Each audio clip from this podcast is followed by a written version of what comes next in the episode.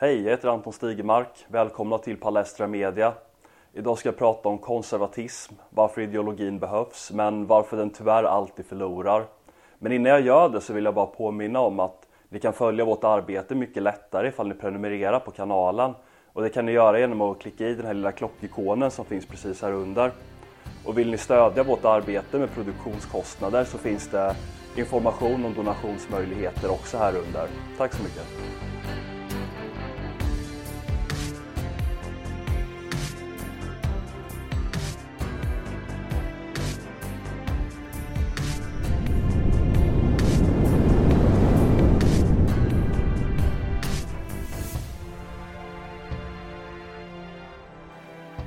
Konservativa sällan eller aldrig lyckas politiskt är närmast en litterär genre i sin egen rätt. Det har under årens lopp skrivits otaliga essäer med titlar som Varför konservativa aldrig kan vinna eller Varför konservativa är dömda att förlora. I USA är det inte helt ovanligt att man refererar till den konservativa rörelsen som Beautiful Losers med vilket man avser att de är en grupp för vilket det viktiga inte är att vinna utan snarare att kunna förlora med stil.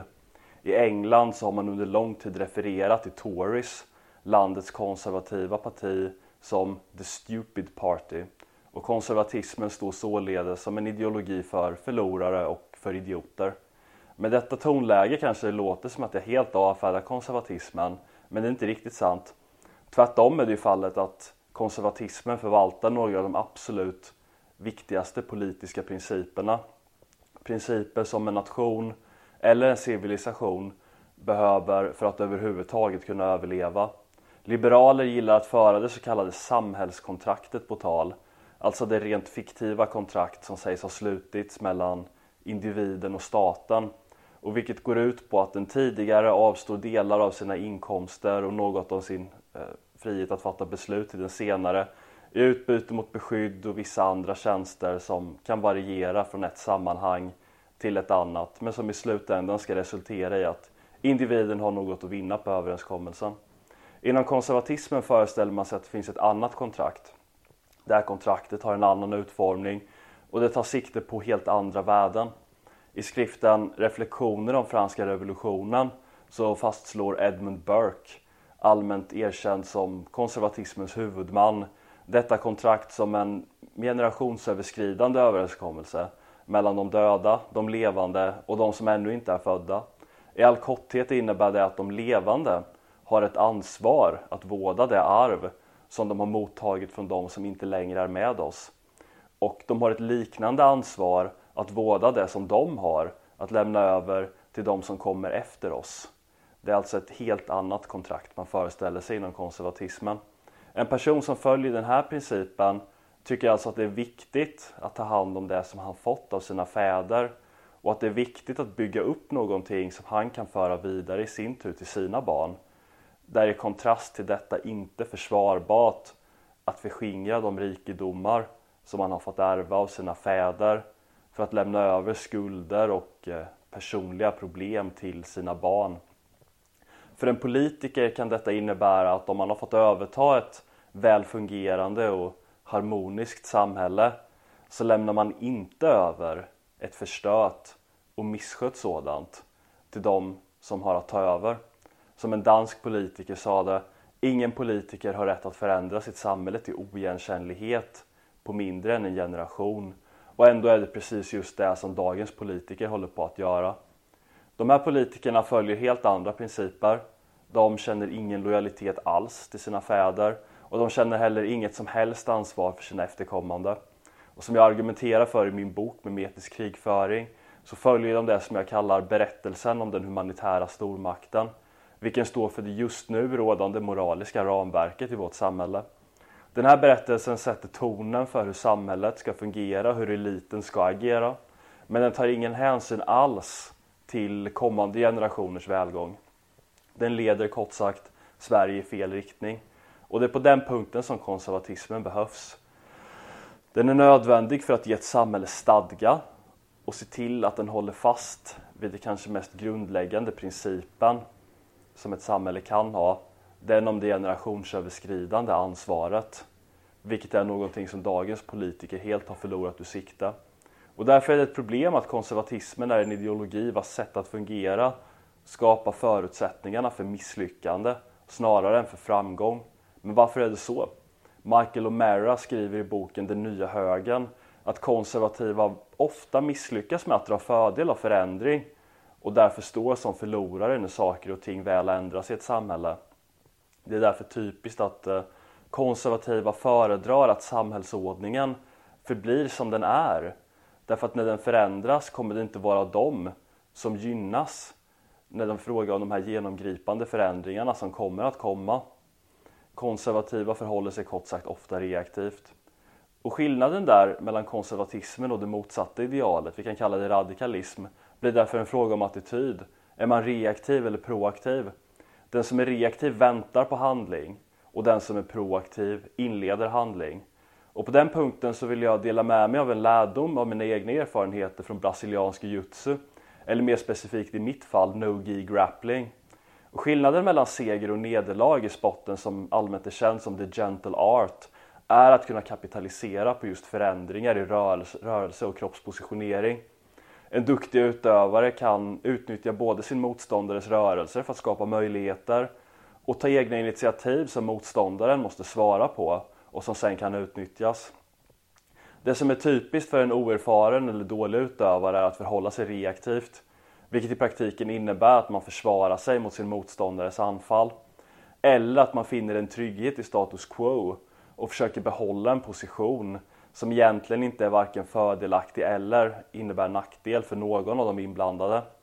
Problemet för den oerfarne är att han kan bara försvara sig mot så många attacker. Tids nog så kommer hans mer erfarna motståndare att få in ett lås eller någonting och då är det över för dennes del. I den här spotten går segern nästan alltid till den som kan ta initiativet och eh, dra nytta av förändring. Den reaktive måste kunna försvara sig i all oändlighet. Men den proaktive å andra sidan behöver bara ett enda lyckat försök för att få den reaktive på fall. Riskexperten Nassim Taleb brukar tala om tre begreppskategorier. Fragilitet, robusthet och antifragilitet. Saker som hör till den första kategorin är bräckliga. De faller samman vid belastning. Saker som hör till den andra kategorin är tåliga. De kan hålla för yttre tryck men det är väldigt sällan de gynnas av dem. Saker som hör till den tredje kategorin, de har den sällsynta egenskapen att de faktiskt kan gynnas av yttre tryck och belastning. Och man kan säga att en oerfaren BI-utövare kan i bästa fall vara robust, men aldrig antifragil. Han kan försvara en position, men det är väldigt sällan som han gynnas av en förändring i positionering. Vi kan säga att en konservativ också faller in i den robusta kategorin. Han kan försvara samhället som det är, så länge som det går. Men hans position kommer sällan eller aldrig att förbättras när väl samhället förändras. Problemet med den inställningen är att samhället förändras hela tiden. Det är helt oundvikligt. Och frågan är då vad vi kan göra för att se till att förändringen gynnar oss och inte någon annan.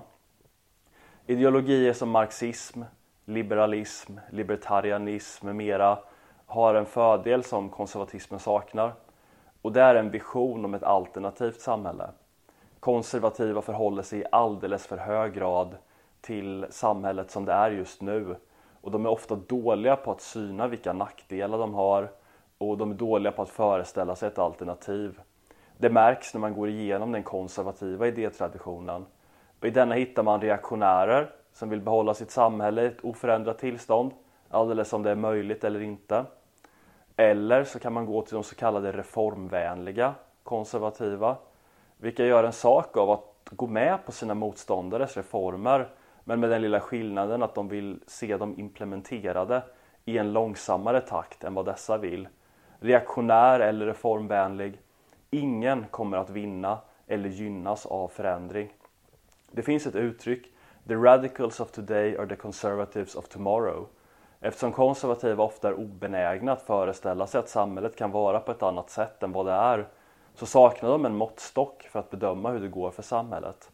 En marxist som vill utöva kritik kan hänvisa till ekonomisk ojämlikhet och ställa detta mot en vision där klassklyftor inte längre existerar.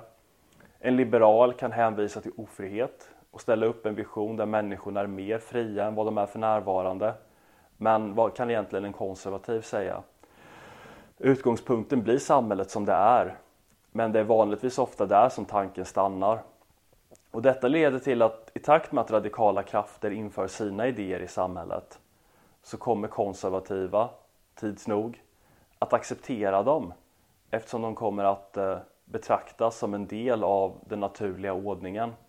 Och det saknas i vilket fall som helst referenspunkter för att kunna kritisera dem på ett vettigt sätt. Låt mig ta ett exempel. När jag var aktiv i SD för flera år sedan, eller mer specifikt deras ungdomsförbund, så drev jag en linje som gick ut på att avskaffa public service.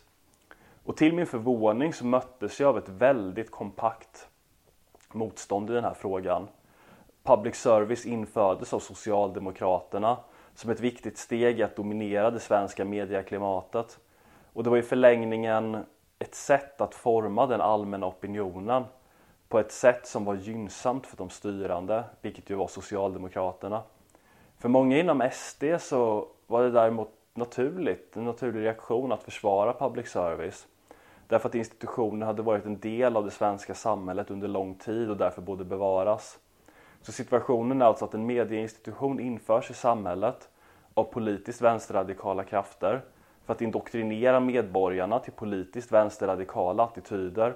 Och årtionden senare så sitter konservativa och försvarar samma institution med ingen bättre anledning än att den funnits med länge. Så radikala krafter, de kan införa nästan vad som helst i ett samhälle och om det bara får vara kvar länge nog så kommer samhällets konservativa krafter att sälla sig till dem som vill försvara de här institutionerna som infördes av deras motståndare. Så det finns med andra ord två grundanledningar till varför konservativa i längden nästan alltid förlorar. För det första, de inleder aldrig förändring och när den väl händer så blir de aldrig de som drar nytta av den.